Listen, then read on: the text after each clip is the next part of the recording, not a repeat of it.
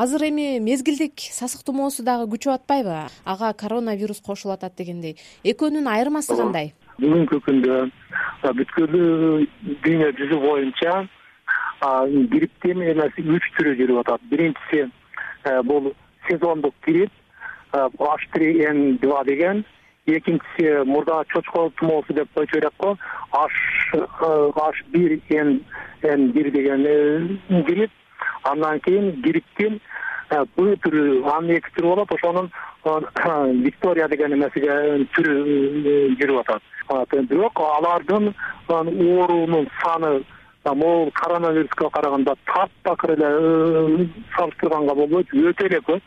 Ошол эле кийин грипптерден орбилерден бир жылдын ичинде эки жүз токсон миңден алты жүз элүү миңге чейин киши каза болот. Бир күнгө алып караганыбызда санаганыбызда бир миң жети жүздөн э, жети жүздөн бир миң жети жүз учурга чейин катталып атат да. Орточо эсеп мененчи а бул коронавирус боюнча болгону үч айда болгону бул эмесиге алты миң учур болуп атат ошо экөөнүн ортосундагы айырма эмне да? Мисалы кантип киши айырмалай алат? Мурду акса деле коронавирус болдумбу деп ойлогондор бар да. Жок клиникасы боюнча бул жерде э, аныктоо кыйыныраак э, коронавируста эң биринчи температурасы болот. Андан кийинкиси эмесиге жөтөлүү андан кийинкиси баягы деми кыстыгуу ушул негизги белгилери болуп атат да. Бирок эмесиге сасык тумоолорду деле э, гриппти деле толук боюнча калган баягы курч э, ошол вирустук инфекциялардан аныктоо кыйыныраак. Аны лабораториялык жол менен эле аныктайт. Илимий изилдөө жүргүзүп көргөнүбүздө жалпы ошол грипп андан кийин орб деп койгон ооруларыбыздын сасык тумоолордун арасында он төрт пайыздан отуз эки пайызга чейин эле грипптер болот да грипптин вирусу менен чакырылган оорулар болот азыр э, грипп болсо деле сасык тумоо болсо деле баардык эле учурда кыргызда э, көбүнчөсүн антибиотик менен э, антивирустук дарыларды айырмалай албай ошо гриппте деле антибиотик ичкендер бар эмеспи түрлөрүн. Анан ушул эки топтогу дарыларды кантип айырмалаш керек да? Кайсы учурда ичпеш керек? Бул жерде эң негизгиси дарыларды дарылаганда негизи эле ушу гриппте орбде могул коронавируста деле антибиотик түздөн түз барып туруп вирусту өлтүрөт дегенге жатпайт. Андай дарысы жок. Ошонун үчүн антибиотиктерди жөндөн жөн эле колдонуу туура эмес. Сөзсүз түрдө врачтарга дарыгерлерге кайрылыш керек. Антибиотиктер бул оорунун өнөкөт болуп кетпеши үчүн осложнениясы болбошу үчүн гана колдонулат көбүнчө Э, вируска каршы дарыларды ичиш керекпи ошондо? Вируска каршы дары жок. Жок. Агай анан азыр э, социалдык тармактарда эл арасында э, кантип иммунитетти көтөрүш керек деген суроого аябай миллион миллион мындай жооптор келип атат да. Негизи эле иммунитетти көтөрүү дегендин өзү туурабы кантип көтөрүш керек? Эмне чеснок жеш керекпи лимонбу эмне кылыш керек да? Иммунитет өзү негизи бул жаратылыштан берилген адамдын касиети коргонууга болгон мүмкүнчүлүгү аны төрөлгөндөн баштап эле баягыдай эмесиге адамга жаман аны өнөкөт нерселерден арылыш керек. Бул деген тамеки чегүү аракты ичүү э, андан башка ар кандай оорулар ошол эле оорулар мисалы үчүн рак оорулары болуп кеткенде деле өтө көп дарыларды ичилет ошондо да иммунитети төмөндөп кетет. Ушундай оорулардан сак болуп ден соолукту кармап убагында уктап убагында э, тамак жеп э, өтө ашыкча жебей витаминдүү тамактарды жеп жүргөн адамдын спорт менен машыккан адамдын э, иммунитети жогору болот. Карантин деген эмне? Бизде азыр мектептер жогорку окуу жайлар тарады а бирок эл муну бир каникулдай кабыл алып эле баягы соода борборлоруна барып атышат эс алып атышат дегендей.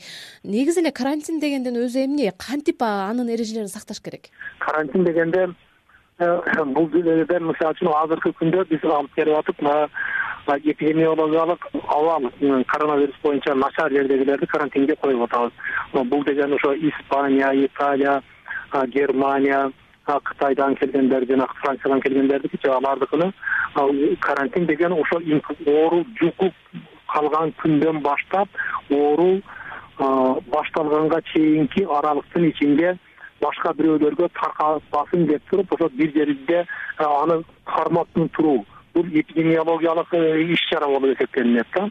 А жалпы элди карантинге бизде коюу сунушталды. ооруканаларга ооруп калса бизде кыргызда баягы тамагын көтөрүп алып баргандар бар. Анан э, деги эле ушул бош убакыттан пайдаланып да карантинден пайдаланып конок чакырып алалы дегендер бар. Анан той топурлар токтобой жатат.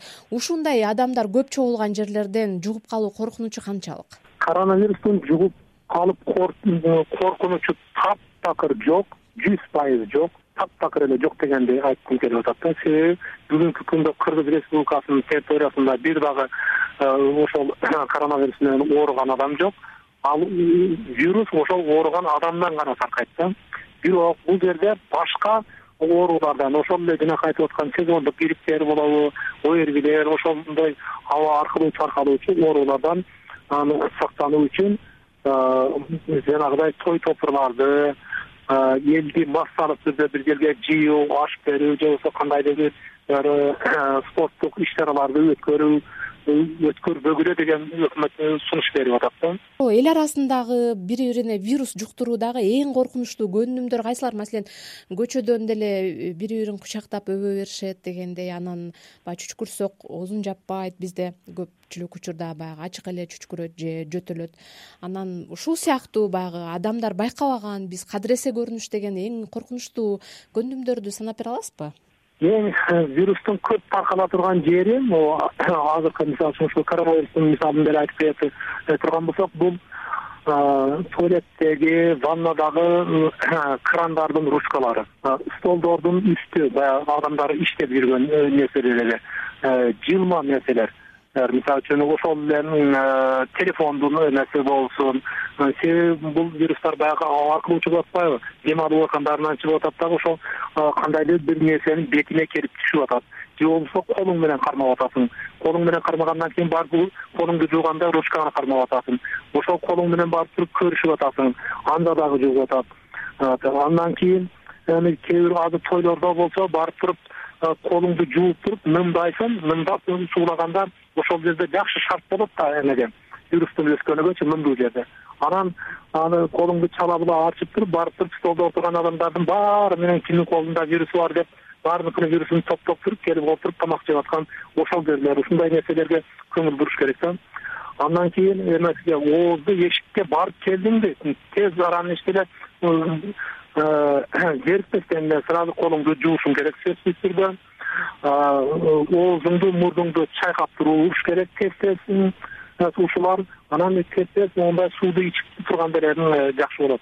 Эмнеге дегенде баягы сууду ичкенде оозуңдагы мурдуңдагы эмелер болсо ашказанга кеткен болсо ашказанда баягы вирустарды коронавирустардыкыны кислоталары өлтүрүп салат ашказандын согундагы соляный кислоталар бар да. Ушундайча агай анан э, үйдүн ичин үйдүн ичин имараттын ичин эмне менен э, тазалаш керек? Хлор мененби же кантип кайсы учурда тазалап туруш керек? шамалдатып туруш керек. Шамалдатып туруш керек андан кийин тез тез моундай суулап тряпкалар менен жууп туруш керек. Себеби коронавирус өзү башка вирустарга караганда мисалы үчүн грипптердин башка вирустарына караганда салмагы оорураак болот жөтөлгөндө дагы чүчкүргөндө дагы биринчи эле Э, жерге отурат булчу жерге же болбосо кандайдыр бир э, нерселердин бетине отурат да. Ошону бетин тез тез сууланган тряпкалар менен арчып жууп андан кийин э, желдетип туруш керек. Желдеткенде майда частицалары эмесиге тезирээк чыгып кетет андан адамга жукпай калат ошол үйдөгүлөргө чоң рахмат агай ишиңизге ийгилик жакшы туруңуз